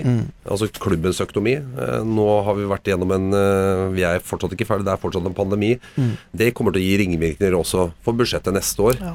Eh, og vi må på en måte tenke langsiktig. Men samtidig så er vi også opptatt av kortsiktige resultater. Så det er liksom, vi må ha to tanker i huet. Og så har vi også en lønnspolitikk og en struktur eh, som ikke vi kan rasere, Vi kan ikke rasere en, eh, lønnspolitikken vår. Eh, hvis vi skal gå helt utafor eh, vår politikk med én spiller, eh, hva tror du skjer ved neste korsvei når neste spiller skal inn og forhandle? Nummer to. Altså, det er klart kom, Du skjønner det her, Ja, ja. Ja da, men det er, det Og, er det, det sier og vi, jeg skal si så mye som at det første praten vi hadde med Torgeir Børven, eh, Tor Andersen hadde med Torgeir Børven, det var eh, for halvannet år siden. Mm. Eh, det var eh, når Tore sier til Torgeir kunne tenkt deg, hva kunne du tenkt deg å forlenge kontrakten. Ja, nå er jeg blitt omskulert til innløper, for vi hadde jo omskulert den som innløper, og Helmersen, vi henta Helmersen, så da ville han gjerne vente litt. Så allerede den prosessen begynte for halvannet år siden. Eh, og Torgeir har sagt at nei, jeg vil vente, uh, snakk med Kent, og liksom så så blir det selvfølgelig sånn eh, Så får jo Tore mye tyn, da, men, men jeg tror ikke folk helt alltid er klar over eh, hva som foregår internt. da Ja, ja, det- Så er det ikke alt vi kan ta som er internt, ut eksternt heller. For det handler litt om personalpolitikk, og eh, jeg syns det er greit at det, vi må kommunisere internt. Det er uheldig når vi begynner også å kommunisere via mediene. Det er ikke jeg så begeistra for. Andre spillere som går ut nå hvert øyeblikk, er jo da mm, klubblegender som eh, Espen Ruud og Steffen Hagen. Og Nordkveld, ikke minst. Ja, Nordkveldet, han glemte jeg. Han går ut nå i år. Ja. Eh, Fredrik Sem. Men Espen Ruud går ut eh, neste år. Ja. Og det er også Steffen Hagen, tror jeg. Ja, de er ut 21. Ja. Eh, Så det blir å sette oss ned med de og. De er jo allerede prata med, så vi er i dialog med samtlige, og det er det Tore jobber veldig mye med. Eh, med spillerne. Og det er den daglige jobben han eh, har mest med å gjøre. Da. Og, så, og så vet vi da at Tore Andersen han er ferdig den jobben uh, ut året. Uh, altså stått i media. Det, Så da må han faen, hva faen med meg igjen, han da? men, men, men, men, men skal, og, og det, det, det som har blitt eh, spekulert i da, er jo da om, uh, om man skal hente internt, eller om man skal ut og så ansette en, en sportssjef med erfaring. Hva tenker du? Nei, altså, nå tenker jeg den, det, sånn som vi jobber nå, er jeg veldig fornøyd med. Eh, jeg er veldig fornøyd med teamet. Og når jeg sier teamet, så er også Tore en del av teamet. Eh, Det er også eh, fysioterapeutene, legene. Det er teamet. Så jeg er veldig fornøyd med hvordan situasjonen er i klubben i dag. Og måten vi jobber på. Så, men det er selvfølgelig alltid ting vi kan bli bedre på. Og nå syns jeg vi Det vi har gjort nå med å resignere Sondre Vi gjør det modig. men Jeg syns vi gir signaler eksternt og internt. Og jeg håper at det gir også ringvirkninger, at det kan eh, påvirke de andre. For det, de forteller jo at det er det som vi er i, i gang med ferd med å bygge og, og nå, det har de lyst til å være med videre på. Og så er det sånn at eh, hvis du fortsetter utviklinga, Jeg sier til unge hvis dere fortsetter å spille som dere gjør nå, og dere kommer til å ta, fortsette utviklinga, så blir dere gode nok til at andre klubber kommer til å hente dere uansett. Og da må vi som klubb klare å få litt igjen for det. Vi må få de salga som Bodø, som Molde, som Stabæk. For da kan vi reinvestere eh, og bruke pengene fornuftig, ikke sant? Og bygge klubben videre. Det er jo mitt mål på en måte. Musikk Det vil ikke glede meg altså, Joshua Kitterland Ja, får jeg 20-30 millioner for han, så Det er Ja. vinn-vinn for alle parter. Ja. Men eh, samtidig så er det også viktig for spillerne å skjønne at det, nå får de spille her. De får vise seg fram på det beste nivået i Norge. Og de trenger også erfaring. En må ikke forte seg ut alltid. Jeg, selv om jeg skjønner at det er fristende. Men en må ikke alltid forte seg ut. For en ser så mange eksempler på folk som reiser ut for tidlig, som kommer tilbake litt med halen mellom beina. Og det har man sett også med, med Odd også, men også mange andre klubber. At man har reist litt, litt ut for tidlig og, og kommer tilbake da litt sånn Ja, litt med halen mellom beina. Ja, og, Du- det, det, du, og du kan jo si det litt av erfaring, Tommy, for du var jo en du, Han gjorde jo det. Reise for tidlig til start, kom hjem igjen. Ja, ja, ja men, men, jo, og, det, og det var jo planen, men, men samtidig, når du reiser til Tyskland, Ja. Så har du massevis av erfaring. Og du er voksen og trygg på deg sjøl. Da var du klar for det. Du har vært klar for det. Ja, klar ikke sant? det. Er ikke så sikkert du hadde vært om du hadde reist ut du var 17, Tommy. det er kjempepoeng, det der. Altså. Det, det er absolutt verdt å si at, uh, at yngre spillere bør ha litt uh, mer tålmodighet. Og vi kan jo bare ta en, en annen Ketolano, da. John. Som var ute og fikk kjenne på vel Wolverhampton. Wolverhampton, Ja, og treningskulturen, og så var det skade med en gang. Ikke kom og si til meg at det, der, er, det er en liten forskjell som gjør at du må trene litt hardere og litt oftere kanskje, eller sånn og sånn. Og så begynner kroppen å kjenne på litt andre ting. Skade ute av det, i kulda, og der er det ikke noe kjære mor. Og så er det tilbake nå på Molde og begynner vel kanskje å blomstre litt igjen. Ja. Ja spille litt, så det, absolutt, absolutt. Og det er kjempebra. Men det, og det, jeg har ikke noe problem med å forstå at han ønsker altså, Jeg skjønner jo det. Mm. Men så, så blir kamparenaen hans U23 for Wolverhampton. Og han fikk ikke heller så himla mange kamper. Men den U23-arenaen, den, den, den, den bryr de seg ikke om der borte. Den har ikke noe status. Nei. Ikke sant? Nei. Så liksom det, Jeg tenker sånn at jeg sier til ungguttene spillerne mine at ja, spill en to-tre-fire sesonger, få 50-60 kamper i Eliteserien. Mm. Og voks litt på det. Få rett rett utviklinga. Og så er Og du kommer til å bli moden før eller siden til å ta steget videre. Ikke forhast dere. Lytt til det. det Ja, si, ja. ja. Bra. Og jeg siste spørsmålet jeg har, Ja. eh, egentlig, det er eh, Du nevnte på resignering av eh, Rossbakk. Så har du en eh, kar som heter Egil Selvik som sitter bak, og som, som, som går veldig hardt ut i media i, på Vestlandet. Eh, hva tenker du rundt den saken? Nei, altså nå, nå er det sånn at vi har vel Norges beste keeperpar, uten tvil. Eh, Det er veldig eh, veldig Du har nesten alltid hatt det. Ja, og, og tradisjoner fra gode keepere òg, det har det alltid vært. Ja. Eh, og vært fantastisk flinke til å utvikle keepere. Og situasjonen er nå at det er, det er hårfine marginer på de to. Eh, nå er det Sondre som står. Det er klart Egil er også frustrert, for han merker også det på trening. Og merker det selv at han er klar for eh, større oppgaver enn annen divisjon. Og det har jeg forståelse for. Så at han har hatt et par utbrudd nå, det setter jeg litt på kontoen for ung og, ung og frustrert. Ja. Og litt uh, skuffa. Og kunne stått for ligaleder Bodø-Glimt. Ja, kunne gjort det, men da måtte vi på en måte Vi kan ikke drive Vi skal være snille og greie, vi, men vi kan ikke bare Når folk ringer til oss, så kan vi ikke bare gi bort spillere. Mm. Det funker ikke sånn. Nei. For det er ingen som gjør sånn tilbake til oss, i hvert fall. Så vi må ikke sånn. De de spillereglene er som de er.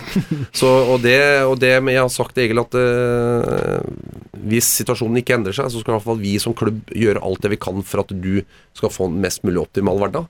Og da kan det eventuelt uh, dreie seg om et lån. Mm. Så sånn, hvis en tenker i forhold til spilleutviklingsperspektiv, så hadde jo det vært det beste. Si at uh, jo, Sondre leie ut Egil, så han får en kamparena i Eliteserien, får massevis av erfaring. Selv, og så hente inn en unggutt som vi kan jobbe med. Selge Sondre, hente Egil tilbake som nummer én, og så er han unggutten nummer to.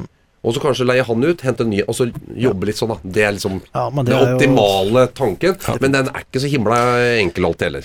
Nei, det er jo ikke det, men jeg ser fort at det må skje. Fordi klart at øh, når du er så god som Ja, han ja. er, så er det klart at det, det, det, det tærer på. Og, Ja, ja, og dere tvil. skjønner det like godt som uh, han, Uten at det, gutten må spille. Men uh, Og det er også en pos posisjon som jeg også, Det er klart han er profesjonell til 1000 og jobber knallhardt.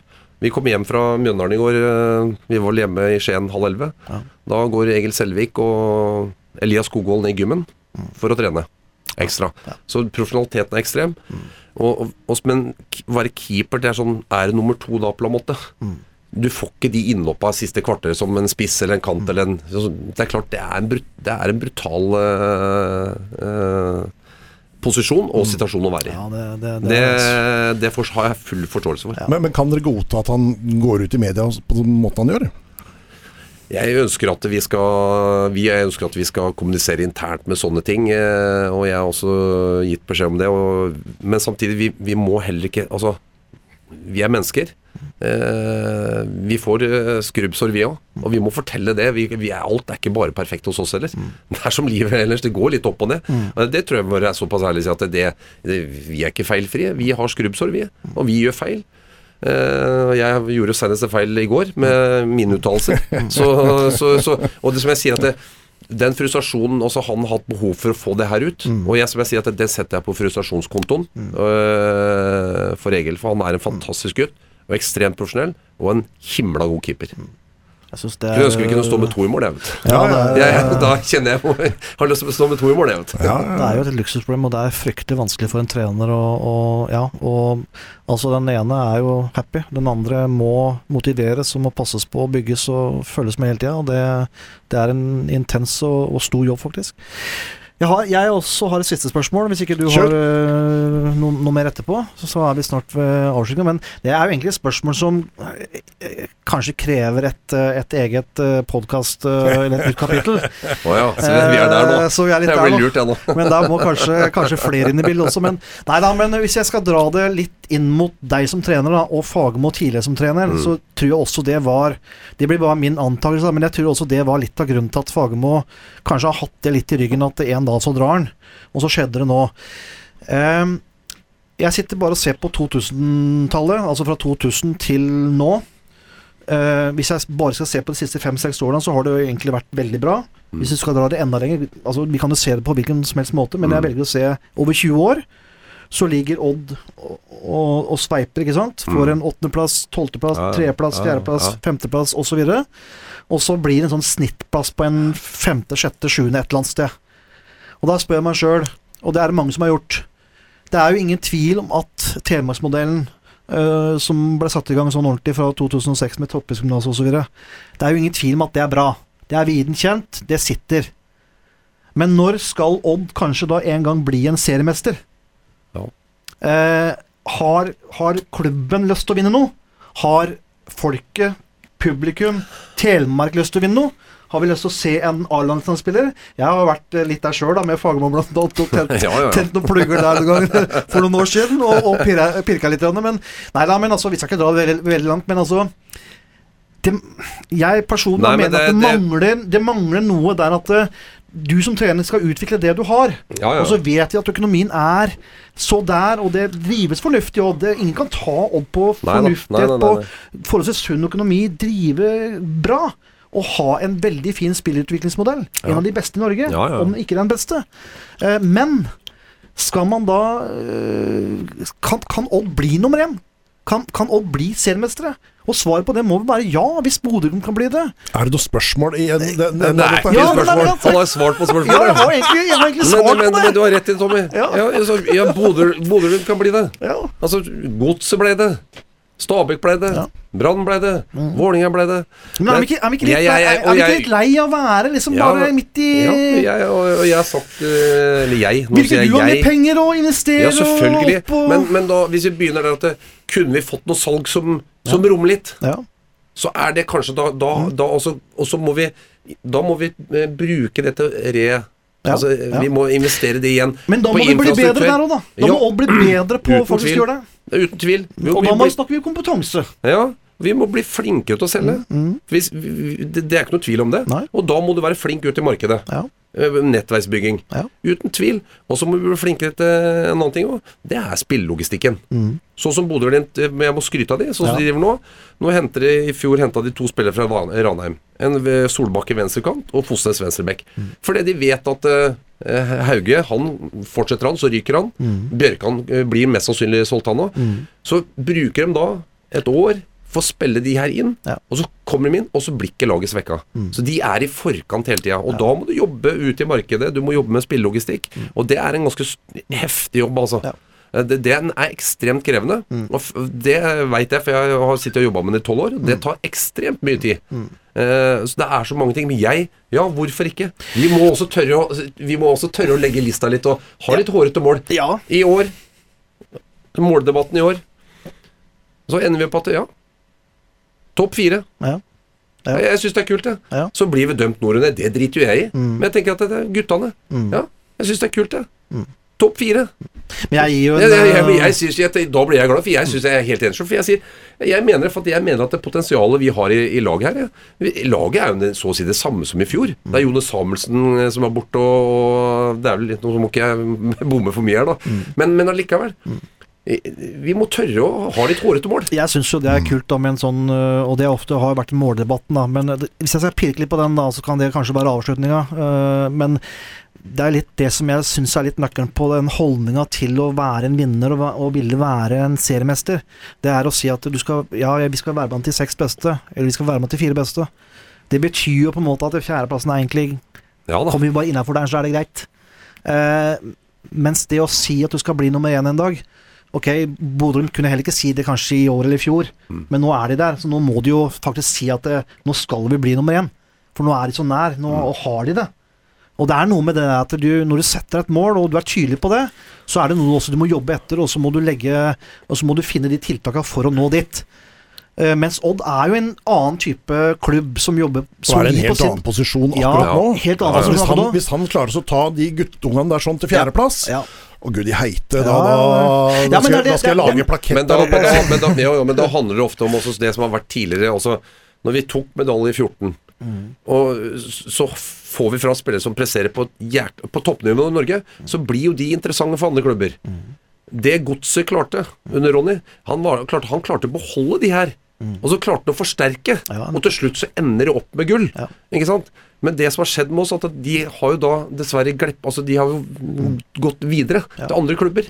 For det er eh, eventyret eh, Det er klart det er en øk- økonomisk bit inn der. Så vi, da må vi også klare å De vi utvikler nå, det er derfor jeg sier at uh, Odin Bjørtøft signerer uh, til sommeren 24, er det vel.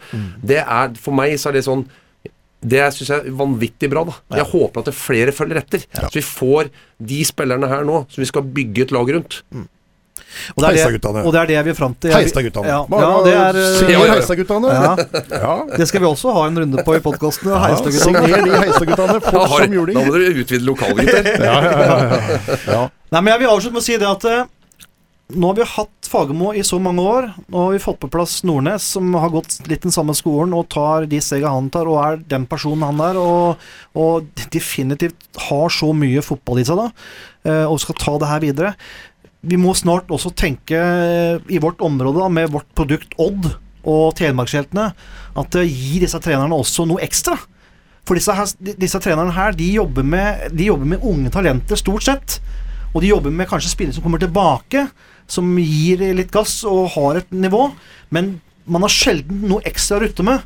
Derfor så er det også mye mer imponerende den jobben de gjør med å utvikle og, og, og jobbe med det de har.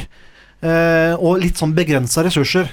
Så tenk deg den dagen hvis, eh, hvis klubben klarer å skaffe til veie kanskje da mer økonomi, lage mer eufori rundt konseptet, kanskje se andre veier, tenke mer hårete, få med seg noen medspillere, kanskje et par investorer osv., og, og tenke litt annerledes og kline litt til, det syns jeg kanskje vi må tenke litt på å få litt mer eh, på agendaen, fordi jeg syns det må være moro å kunne gå på en kamp og føle at du kan faktisk være med en seriemester.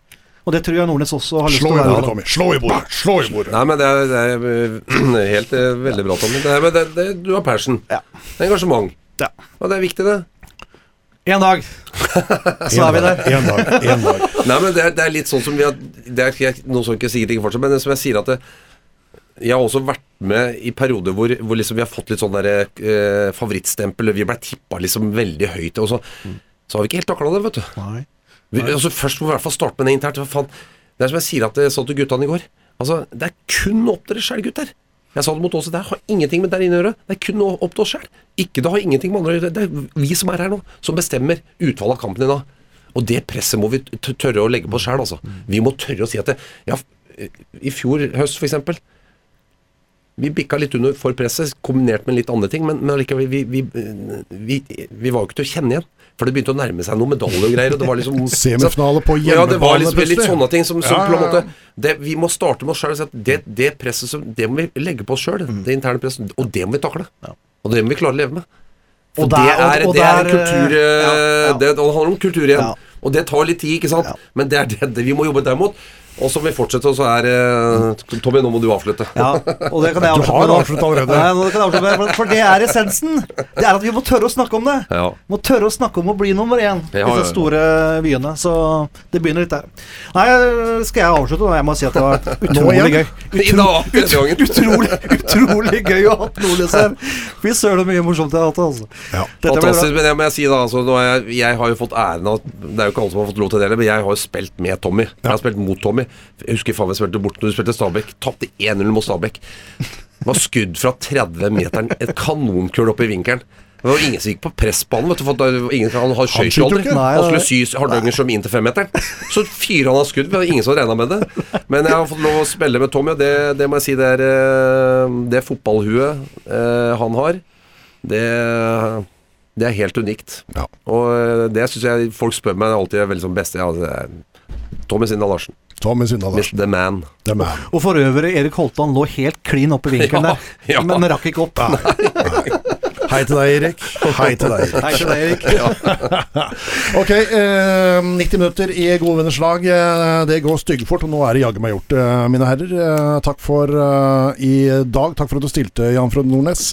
Og jeg står for den. Klarer du fjerdeplass med guttene, da, blir det, da skal jeg lage plakett som skal stå der oppe. Det er, uh, det, det er imponerende. Uh, ja vel. Ha det bra. Ha det. Ha det.